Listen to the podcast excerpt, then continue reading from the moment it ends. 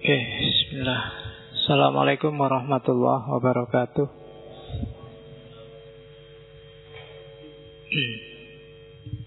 Bismillahirrahmanirrahim. Alhamdulillahirabbil alamin. Wa bihi nasta'inu ala umurid dunya waddin. Allahumma salli wa sallim wa barik ala habibina wa syafi'ina Sayyidina wa maulana Muhammadin wa ala alihi wa ashabihi ajma'in. Amma ba'du. Uh, Bismillah mari kita lanjutkan ngaji kita filsafat. Malam hari ini kita masuk ke para martir sesi kedua. Hussein bin Mansur Al-Hallaj. Sebenarnya saya agak maju mundur mau ngangkat beliau ini. Yang tak pertimbangkan kalian audiennya. Apa yo wis ngangkat kalau tak ajari Al-Hallaj potonganmu wajah kayak gitu apa ya pantas ndak ya tak kasih al-halaj mikirnya agak dalam sedikit. Alhamdulillah. Sebenarnya saya pinginnya dikit aja Karena yang ngerti filsafat nggak boleh banyak-banyak. Ngerti apalagi filsafat Tasawuf yang falsafi. Dulu di antara kesalahannya Al-Halaj Menurut para sufi itu Membabar yang seharusnya rahasia kepada umum. Nah, itu jangan-jangan nanti ini kena penyakit yang sama. Nanti kalian ke mana-mana nanti pakai dalil al-halaj. Itu yang kemarin bikin para penguasa Yunani mengeksekusi Socrates dan dinasti Abbasiyah mengeksekusi al-halaj. Makanya wis pokoknya kita jadikan bahan referensi aja ya. Karena hari ini banyak di antara kita yang mikirnya sering tidak panjang.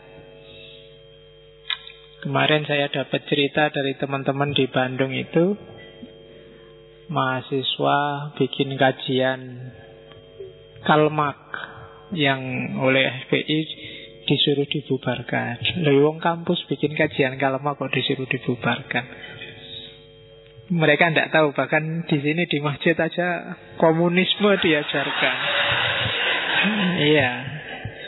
Jadi susah membedakan orientasi. Dia ilmu itu ya semuanya. Belajar si A bukan berarti terus kamu jadi si A kan? Di sini jangankan komunisme ateisme kan kita sudah lama belajar itu. Malah yang mau bunuh Tuhan aja juga kita bahas. Jadi Ya mungkin untuk jamaah kita lah Paling tidak mikirnya agak cerdas sedikit lah. Meskipun nggak banyak-banyak juga tidak apa-apa wong. Untuk menalar kayak gitu kan nggak butuh nalar yang panjang. Oke. Dan jangan jadi muslim yang cengeng. Dan jangan mau dianggap kalian muslim. Muslim cengeng itu Kena godaan dikit, kena adu dikit Terus sesat. Kan kalian di eman-eman sama yang FPI dan kawan-kawan itu khawatir kalau diajari mak terus jadi mak kalau diajari komunis terus jadi komunis kan itu. Kalau memang kondisimu hari ini itu betapa lemahnya imanmu kan gitu. Betapa cengengnya dirimu hanya dikasih tahu gitu aja kok langsung sesat.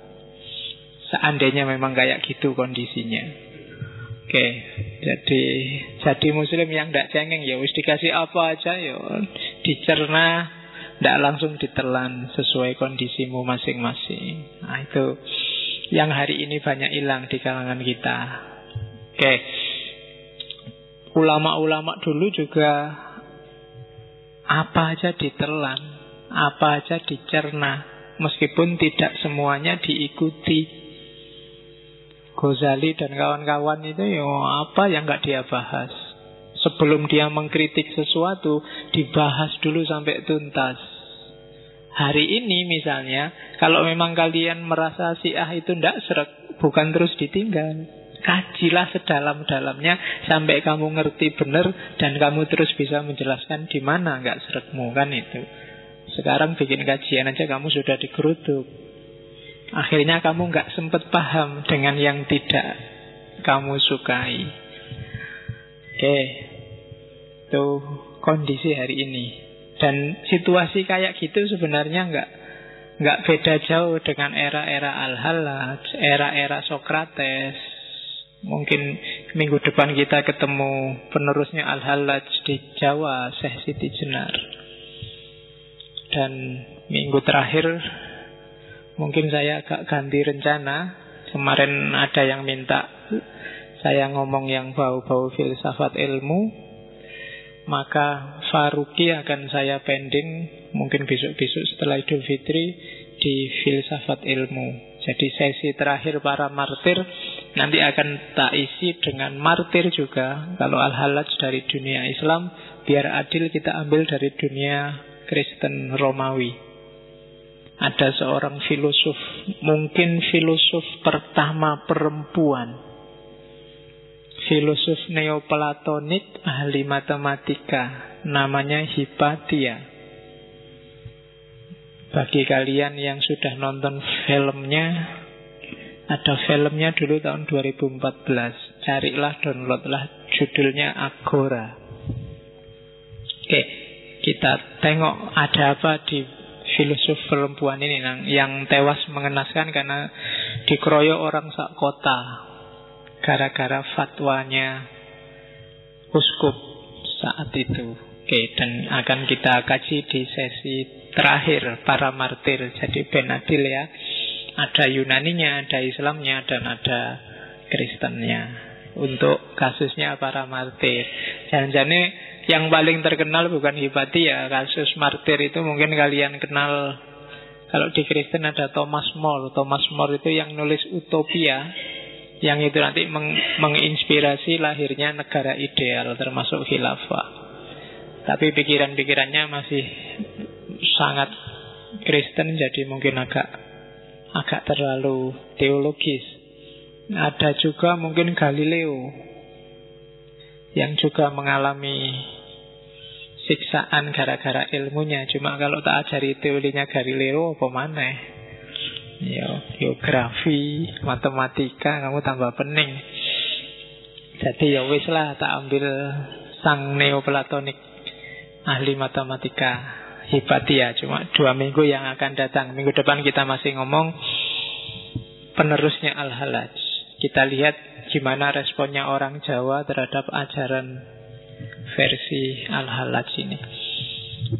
Oke, bismillah. Kita mulai.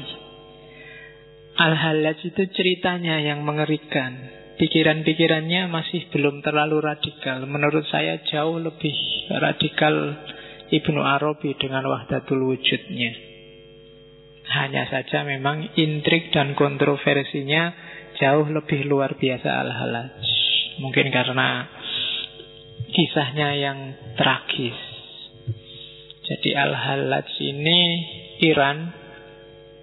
Jadi kelahirannya di Tus. Kemudian Tus ini kabupatennya namanya Baido provinsinya namanya Fars. Makanya Al-Halaj itu juga punya namanya juga gelarnya Baidowi karena dia berasal dari daerah namanya Baido. Provinsinya Fars. Nama aslinya Husain, nama bapaknya Mansur. Makanya nah, putrane Pak Mansur yang namanya Husain. Ya, mulai ya kan sederhananya kan itu. Terus Pak Mansur ini kerjaannya memintal benang. Jadi bikin kapas, kapas yang dijadiin benang. Dan itu kalau bahasa Arabnya namanya halaj. Jadi al-halaj itu artinya sang pemintal benang. Dan al-halaj juga punya punya kisah khusus dengan itu. Al-halaj juga dikenal tidak cuma halaj, kalau ada yang menggelari dia halajul asror. Halajul asror itu pemintal rahasia. Karena Al-Halaj itu dikenal ya kayak para wali yang lain. Jadi dia bisa membaca rahasianya orang tanpa orang itu ngomong. Jadi cuma lihat kalian ini sudah bisa nebak satu-satu yang ada di pikiranmu apa. Yang ada di batinmu apa.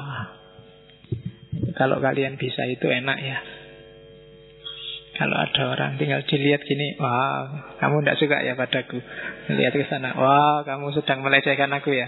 Wah, kamu, ah, itu bisa baca kalau alat. Makanya dia digelari halajul asror. Hafal Al-Quran nomor 12 tahun.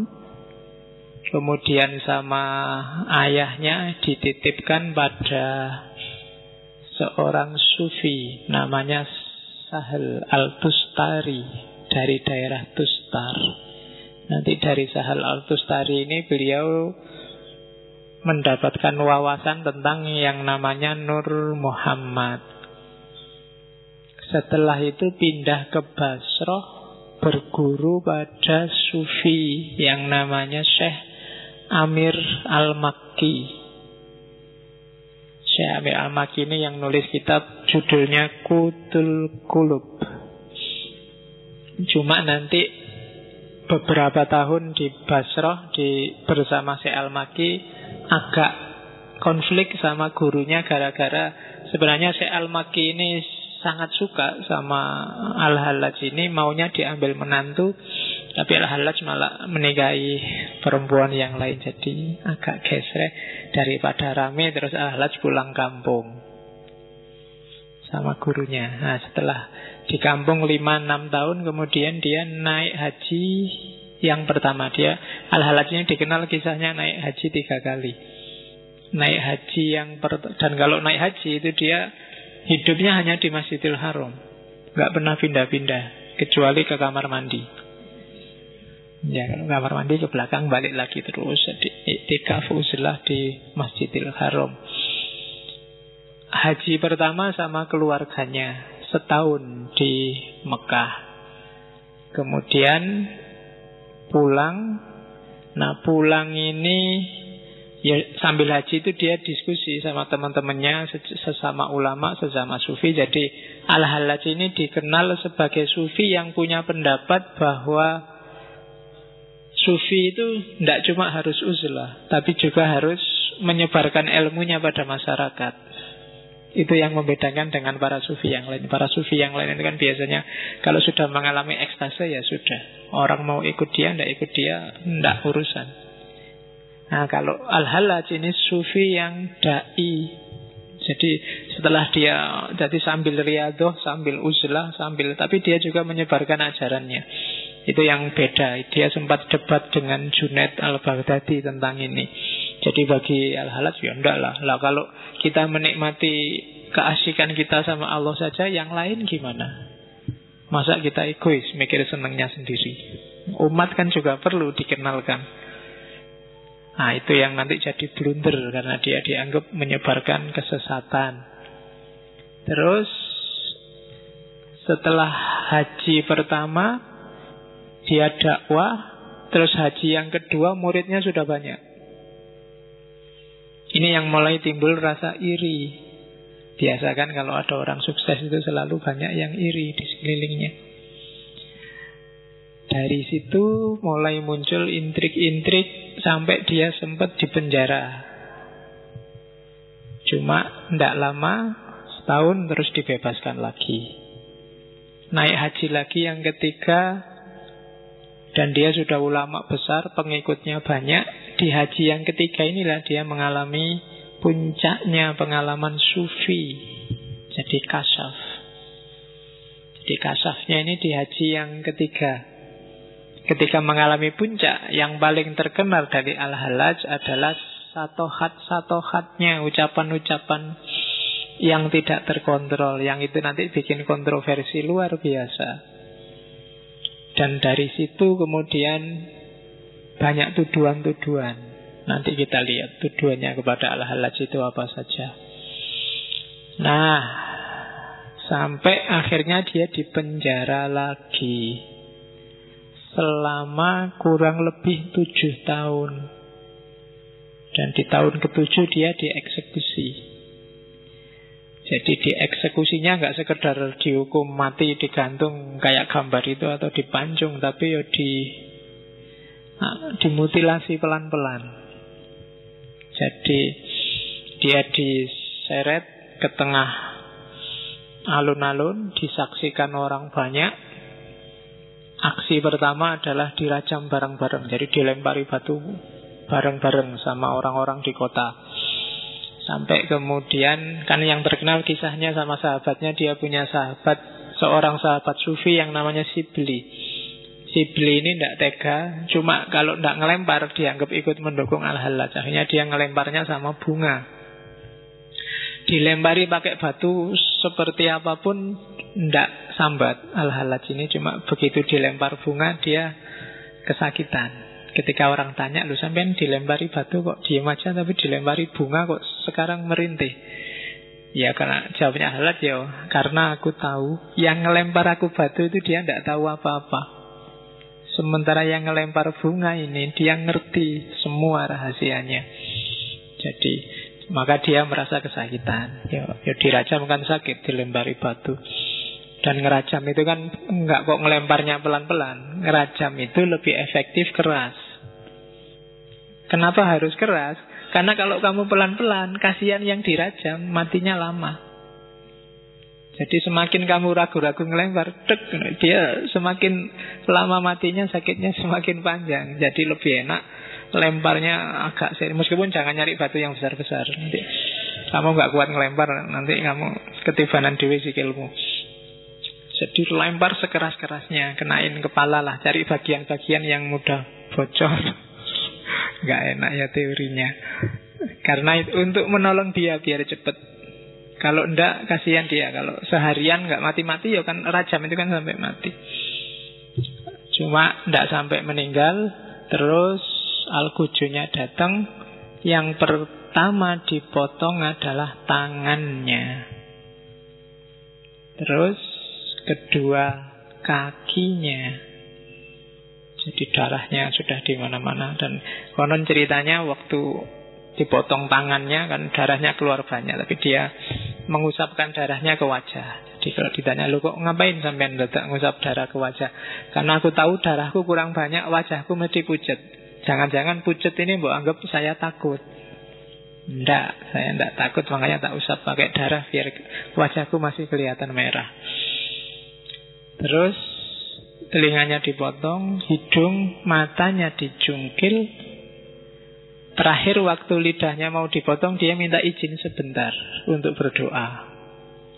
Dan doanya kayak Nabi Muhammad waktu dilempari batu di Taif itu mohon Ya Allah jangan murkai mereka Jangan balas dendam pada mereka Atas apa yang mereka perlakukan padaku Setelah itu lidahnya dipotong Setelah itu dibiarkan Sehari jadi dia, jadi katanya khalifah saat itu biar orang-orang ngambil pelajaran, biar nggak ada yang berani lagi kayak al-halaj. Dibiarkan sehari, jadi sampai ya mungkin kalau di bahasa kitabnya itu seperti seonggok daging di atas darah. Sampai kemudian besoknya baru kepalanya dipenggal. Terus masih terus kengeriannya masih berlanjut. Hari ini pokoknya ceritanya agak anu, Terus setelah kepalanya dipenggal, jasadnya dibakar. Setelah itu abunya dibuang di sungai. Kalau bahasa Arab menyebutnya sungai Dajlah. Kalau sekarang disebut sungai Tigris. Dan sebelum meninggal, Abu Mansur ini sudah ngerti kalau ada ceritanya akan begitu. Jadi dia sudah pesan sama pembantunya. Nanti kalau jasadku sudah dibakar, abuku dilempar ke sungai, sungai itu akan marah, airnya akan meluap. Kalau dibiarkan aja, Baghdad akan habis banjir. Maka jubahku ini nanti buanglah ke sungai. Jadi waktu sungainya sudah naik mau meluap, itu ceritanya sama pembantunya, jubahnya dibuang ke situ jadi tidak jadi banjir bandang. Itu al-halaj. Karomah-karomahnya banyak Cerita-cerita yang membesarkan Dari murid-muridnya tentang al-halaj banyak Jadi itu nasib tragisnya Husain bin Mansur al-Hallaj. Oke, ceritanya itu. Sekarang ajarannya sedahsyat apa sih yang diajarkan? Ya, ini jadi Abu Mansur Al-Hallaj ini abad ketiga Hijriah, era ketika dunia Islam panen sufi. Sangat banyak sufi lahir di era ini khususnya para sufi Persia termasuk Al-Hallaj, Haris Al-Muhasibi, Ma'ruf Al-Karhi, Junaid Baghdadi dan seterusnya. Sahel Tustari yang guru-gurunya termasuk Al-Halad sendiri, termasuk Sibli dan banyak yang lain. Generasi pertama, nanti generasi kedua ada Rumi, Ibnu Arabi dan kawan-kawan. Ajaran-ajarannya nanti banyak dilanjutkan oleh Ibnu Arabi. Kita lihat tuduhannya ini yang dipakai oleh kekhalifahan zaman itu untuk mengeksekusi al-halaj. Yang pertama dituduh berkomplot sama sekte namanya Koromitoh.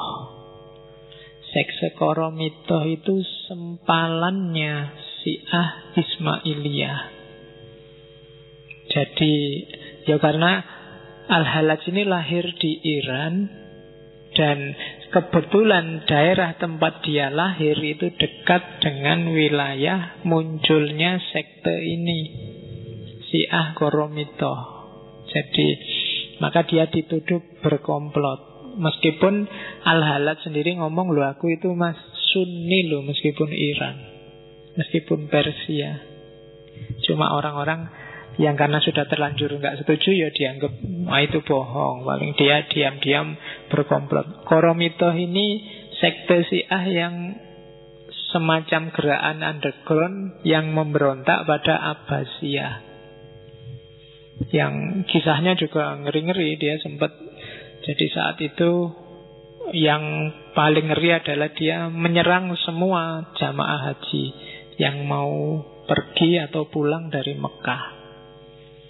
Kemudian sempat juga bikin rusuh di Madinah dan di Mekah mencemari jadi membunuh jamaah haji terus mayat-mayatnya dicemplungkan di sumur Zam-Zam zaman itu. Jadi sekte Syiah namanya Koromito dan dikejar-kejar dihabisi ya meskipun agak susah melawan dinasti ya mesti kalah.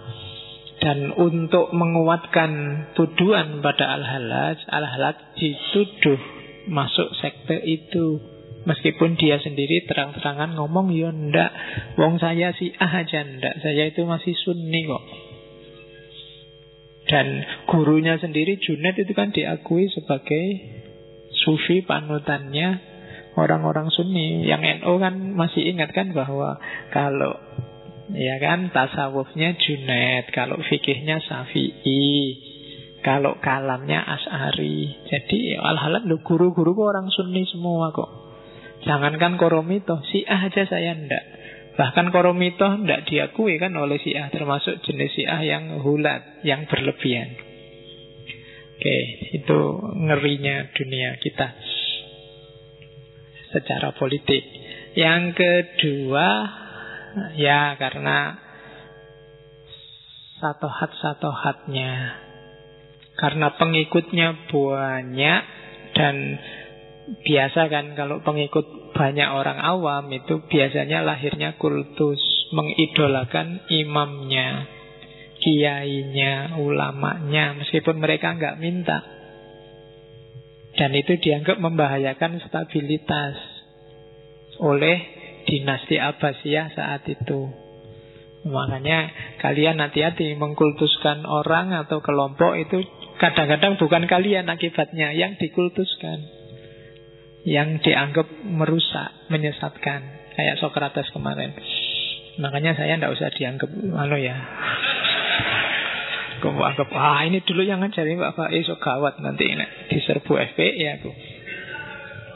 Oke, jadi itu sebabnya yang kedua, ngerusak umat. Terus yang ketiga, yo satohat-satohatnya. Jadi ucapan-ucapannya waktu ekstase. Ini kan susah. Orang sedang mabuk, orang sedang seneng luar biasa atau sedih luar biasa. Itu kan kadang-kadang ucapannya tidak terkontrol. Saking senengnya. Dan itu yang terjadi dengan para sufi. Yang itu kategorinya satohat. Satohat itu kalau jamak, kalau tunggal namanya sathiyah. Jadi ucapan merancau. Oke, jadi itu tiga ini yang dituduhkan pada al-halaj.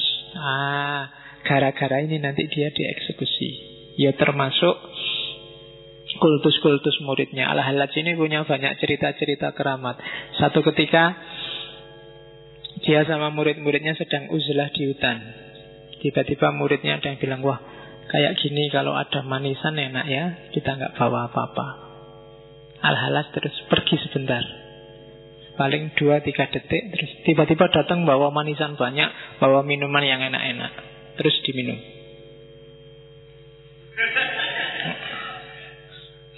Ya. Ya, jadi satu hati.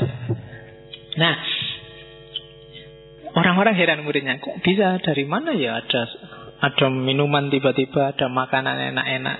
Yo, al-halaj diem aja. Tapi besoknya setelah pulang, muridnya ini ngecek. Ini ada manisan kayak gini, ini produksi mana ya? Jangan-jangan tadi sudah sangu.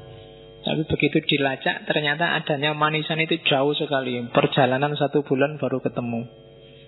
Wow, berarti ini tadi dapatnya dari mana? Tadi datangnya masih hangat. Ada juga cerita waktu muridnya, wah Syekh ini lapar Syekh. Enaknya kalau ada kurma. Terus katanya lah, goyang aja tubuhmu. Digoyang-goyang ini tiba-tiba kurmanya berjatuhan. Kan. Enak kan kalau kalian bisa gitu. Kalau kalian goyang yang jatuh paling rambutnya. Ah, kalau al-halaj kurmanya yang jatuh. Oh, itu kan dahsyat. Di antara dia dikenal al-halaj itu satu ketika dia ngelamar kerjaan jadi pemintal benang kayak ayahnya. Jadi dan juraganya heran karena cara dia misah apa biji kapas sama isinya cuma dituding aja. Jadi dituding aja kapas sama isinya itu misah sendiri. Oh itu itu di antara cerita-cerita yang pasti yang membawa cerita-cerita kayak gini murid-muridnya. Dan bukan hal yang luar biasa kalau dalam dunia sufi. Meskipun yang kayak gini biasanya yang bikin kalian ngiler pingin jadi sufi.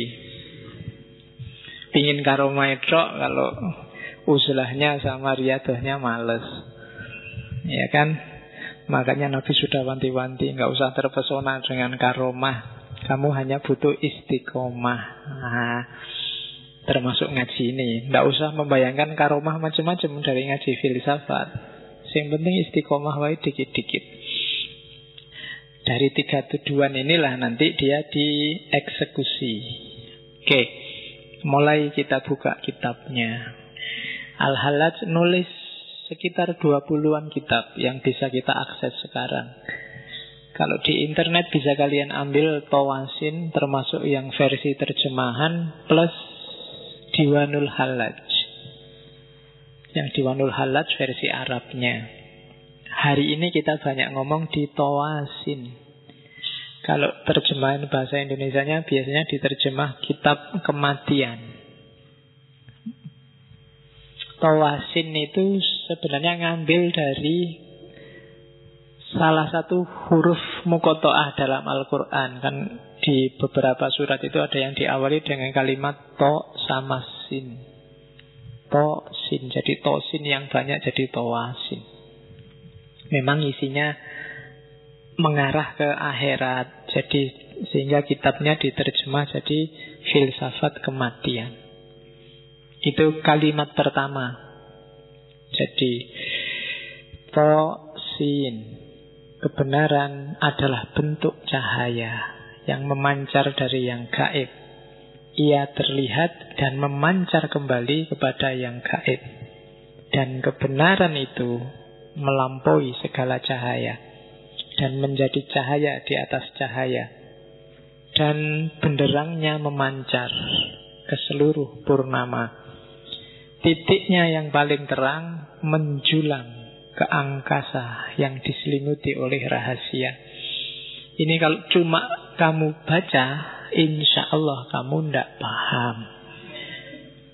Ya, jadi hampir semua sufi Persia menganalogikan kebenaran dengan cahaya dan puncaknya kebenaran adalah cahaya maha cahaya. Kalau dianalogikan ya, cahaya itu bukan kok kayak cahaya beneran, tapi ini semacam analogi. Sama kayak kamu melihat sesuatu, matamu siap, sesuatunya juga siap. Tapi kalau cahayanya nggak ada, nggak akan terlihat. Mikrofon ini siap. Mata kita juga siap untuk lihat mikrofon. Tapi begitu listriknya mati, tep, mikrofon ini tidak akan kelihatan.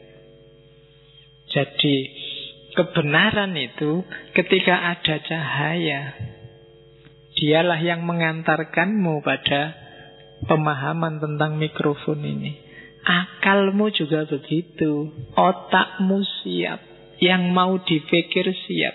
Tapi kalau nggak dapat pancaran cahaya dari Allah, kalian nggak akan bisa nangkep pengetahuan. Para ulama tidak akan, eh, para ilmuwan secanggih apa pun nggak akan bisa moto gimana kerja otak menangkap pengetahuan. Itu sama kayak mata yang atas fasilitas cahaya dia bisa paham sesuatu, bisa melihat sesuatu. Jadi otakmu itu ada sambungan transmisinya dengan Allah. Bentuk transmisinya itu cahaya. Makanya para ulama zaman dulu menyebut al ilmu itu nurun. Ilmu itu cahaya. Gitu Jadi pengetahuan apa pun yang kamu pahami berarti ada cahaya yang terpancar di situ. Dari situ kamu bisa paham. Jangan gaya merasa kamu pinter bisa paham sendiri. Kalau Allah tidak ngasih nurnya, sama kayak kayak takmir nggak menyalakan lampunya, kamu tidak akan paham, kamu nggak akan bisa lihat mikrofon ini. Itu analogi cahaya. Maka kan selalu begitu.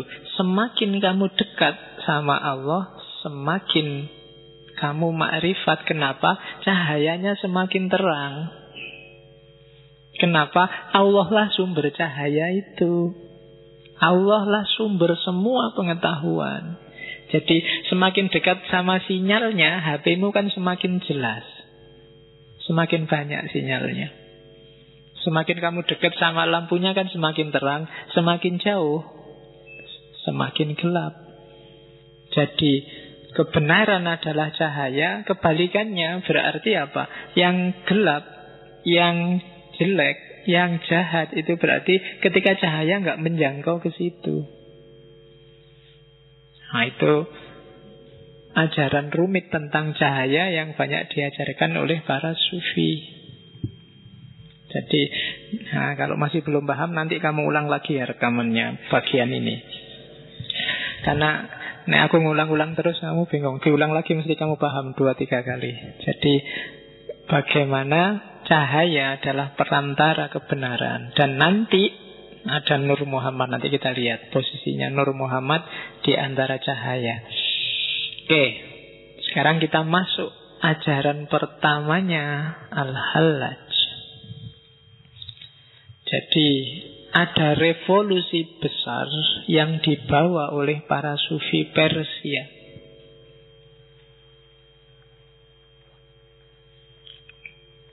Jadi sebelum muncul para sufi ini banyak umat Islam di situ disebut awam yang meyakini bahwa untuk ketemu dan kontak sama Allah itu ada pakemnya. Harus ikut aturan-aturan formal dan resmi. Harus manut petunjuk yang berwenang. Apakah itu ulama, apakah itu kiai, apakah itu.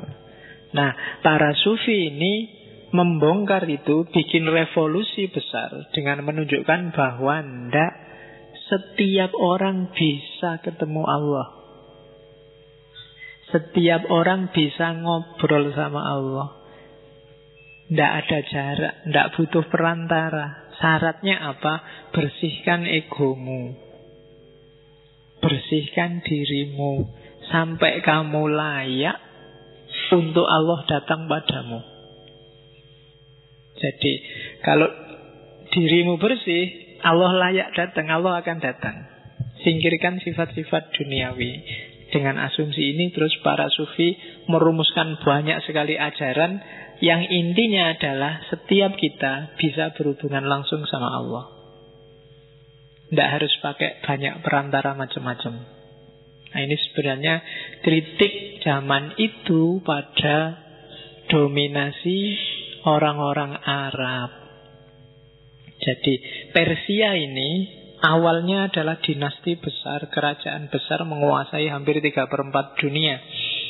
Begitu Islam datang, dia kalah. Terus apalagi sejak era Umayyah dilanjutkan sampai Abbasiyah, ada bau Arabisme yang kuat. Gubernur harus Arab, khalifah harus Arab, apa-apa harus Arab.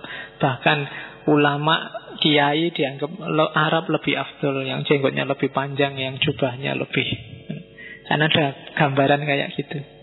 Dianggapnya kita ini agak jauh sama Allah, yang lebih dekat sama Allah itu yang Arab.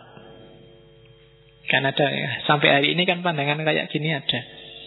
Jadi pokoknya tidak kita harus manut sana kiblatnya karena Ka'bahnya ada di sana dan orang sana pasti lebih alim daripada kita. Ada kan persepsi kayak gitu. Nah, para sufi Persia ingin membongkar itu. Ndak ah. Setiap orang punya hak atas Allah. Dia bukan hak eksklusif para ulama tertentu, orang-orang tertentu. Dari situ saya bilang tadi muncul banyak sekali ajaran. Yang paling terkenal kan tiga. Ittihad, Abu Yazid Bustami, Kemudian hululnya Al-Hallaj ini Dan yang ketiga Wahdatul wujudnya Ibnu Arabi. Yang yang paling puncak terkenal dalam tradisi tasawuf falsafi. Kalau dijelaskan ringkes Itihad itu dari bawah ke atas. Hamba yang berusaha naik sampai puncak bersatu sama Allah. Kalau hulul dari atas ke bawah hamba yang mengosongkan dirinya sehingga Allah terus bisa masuk. Kalau wahdatul wujud diusahakan apa enggak diusahakan, hakikatnya kita satu sama Allah. Ibnu Arabi diputar lagi rekamannya. Nek tak jelasin lagi kamu nanti pening. Oke, jadi itu ajaran-ajaran. Jadi awalnya hulul ini Manifestasinya apa? Kalau orang sudah mengalami hulul maka itu sebenarnya hadis di sunni kan banyak beredar ini. Ketika seseorang sudah sangat dekat sama Allah. Kalau di para sufi bahkan nggak cuma dekat jadi satu. Itu kalau dia ngomong yang ngomong bukan dia tapi Allah. Kalau dia mendengarkan, kalau dia berbuat semuanya bukan dia tapi Allah. Kehendaknya bukan kehendak dia tapi sudah kehendak Allah. Ya kayak kamu kalau jatuh cinta itu loh. Apa-apa kan sudah dia, bukan kamu lagi. Begitu kamu jalan-jalan ke mall lihat baju, wah ini kalau tak beli ini, ini suka mesti dia dia. Kan selalu dia. Makan aja, wah ini kalau tak beli ini, ini dia seneng loh makan kayak gini biasanya. Ada apa aja yang terbayang dia. Nah, itu ketika orang sudah sangat dekat jatuh cinta, maka jatuh cintalah sama Allah, maka pikiranmu, ucapanmu, perbuatanmu ya selalu isinya Allah. Nah, itu gambarannya. Kalau eh, ketika orang jatuh cinta itu kan egonya nyisih, dimasuki oleh ego yang dia cintai. Dirinya sudah nggak berarti apa-apa. Dan itu kan para sufi mati-matian menjelaskan ini. Beberapa malah bikin cerita-cerita alegoris. Misalnya bikin Laila Majnun lah, bikin Sirin Farhat lah. Itu sebenarnya sindiran untuk jatuh cintalah sama Allah. Kayak kamu kalau jatuh cinta sama lawan jenismu itu loh. Harusnya lebih dalam dari itu. Kayak Laila Majnun itu kan gimana orang sampai segila itu. Bukan gila, tapi sampai segila itu ketika jatuh cinta. Nah, teori ini nggak laku bagi yang jomblo. Oke, okay. nah, ya yang yang yang belum merasakan diinget-inget aja jadi teori. Yes. Ya, siapa ngerti besok kepake jadi. Ya. Buk, ya, buktikan sendirilah besok. Tapi yang sudah punya bisa sekarang. Oke, jadi ketika kamu sudah dekat dengan sesuatu, cinta dengan sesuatu, biasanya dirimu lenyap. Yang ada hanya dia. Dan itu yang dialami oleh para sufi termasuk Al-Halaj. Oke, kita lihat lagi. Hulul itu jenisnya ada dua, Pak ya. ya. Yang pertama hulul sayaroni dan ada hulul jawari. Yang al-halaj ini masuk jenis hulul yang pertama. Ketika bersatu, yang kelihatan hanya satu. Yang lain ketika dua hal bersatu, hanya satu yang kelihatan, yang lain nggak kelihatan. Tapi kalau hulul jawari bersatu, tapi dua-duanya tetap kelihatan. Kalau saya Roni itu contohnya, kalau kamu nanam punya tumbuhan terus kamu siram air. Air ini kan diserap oleh tumbuhan, airnya nggak kelihatan, yang kelihatan tumbuhannya. Kebalikannya kalau yang jawari kayak air yang di taruh di dalam gelas kayak gini ini kan gelasnya kelihatan airnya juga kelihatan nah ini namanya hulul jawari. Nah air yang tak minum tadi kan masuk ke tubuhku. Kamu nggak lihat? Lihatnya cuma aku. Padahal di sini juga ada tehnya loh. Kan gitu. Nah, itu namanya hulul sayaroni nah Al-halat termasuk jenis yang pertama karena ketika Allah masuk dalam dirimu, Allahnya nggak kelihatan, al-halatnya yang kelihatan. Dan padahal al-halatnya sudah nggak ada. Yang ada hanya Allah. Itu makanya terus dia bilang ana al-haq. Nanti kita lihat kenapa ada kalimat ana al-haq. Jadi jenisnya hulul itu ada dua. Jadi persatuan yang melenyapkan dan persatuan yang sama-sama ada. Teori-teori cinta hari ini kebanyakan maunya hulul al-jawari. Jadi gabung sih gabung tapi ya dua-duanya kelihatan lah. Jangan mau didominasi kan gitu. Ketika ada dominasi berarti yang terjadi hulul saya roni. Yang mendominasi yang kelihatan. Yang tidak dominan nggak kelihatan. Nah, kita lihat kenapa bisa begitu, baru masuk ke asumsinya. Jadi